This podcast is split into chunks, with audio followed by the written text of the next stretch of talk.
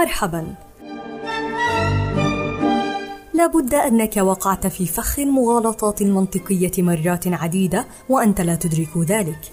ربما كان ذلك وأنت تشاهد أحد البرامج التلفزيونية الحوارية أو إحدى الإعلانات التجارية أو عندما كنت تستمع لخطاب أحد السياسيين.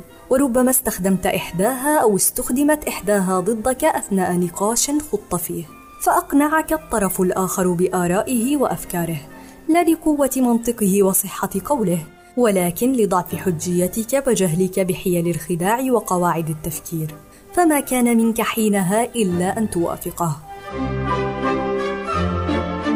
ومن هنا تتبين أهمية التفكير النقدي وأنه يجب أن يكون منهاجا تعليميا في المدارس الحكومية فهو ليس موهبة فطرية نعرفها بالسليقة. بل هي مهارة تكتسب بالتعلم والتدريب كما هي باقي المهارات. نحن معرضون لعشرات المعلومات والتعليمات والمبادئ والأفكار التي قد تكون صائبة أو مغلوطة. علينا أن نكون انتقائيين بما نتخذه منها والا نقع ضحايا للخداع والتضليل. تعرف المغالطات المنطقية بأنها أنماط شائعة من الحجج الباطلة. التي تتخذ مظهر الحجج الصحيحة وانحراف عن قواعد التفكير الصحيح ومعايير الاستدلال الصائب. وقد تستخدم المغالطات بشكل مقصود للمناورة في النقاش وخداع وتضليل المخاطب أو بغير قصد بسبب الجهل لذا وجب التعرف عليها وفهمها للابتعاد عن العبثية والارتقاء بالنقاشات والحوارات اليومية.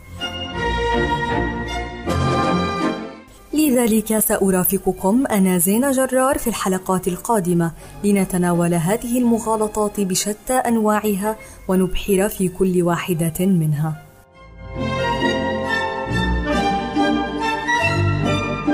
وأختم معكم بما قاله أفلاطون محاورا جورجياس عن تأثير المغالطات.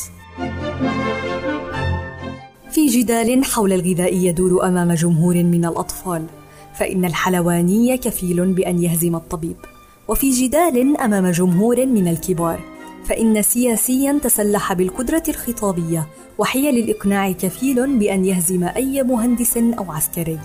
حتى لو كان موضوع الجدال من تخصص هذين الأخيرين وليكن تشييد الحصون أو الثغور.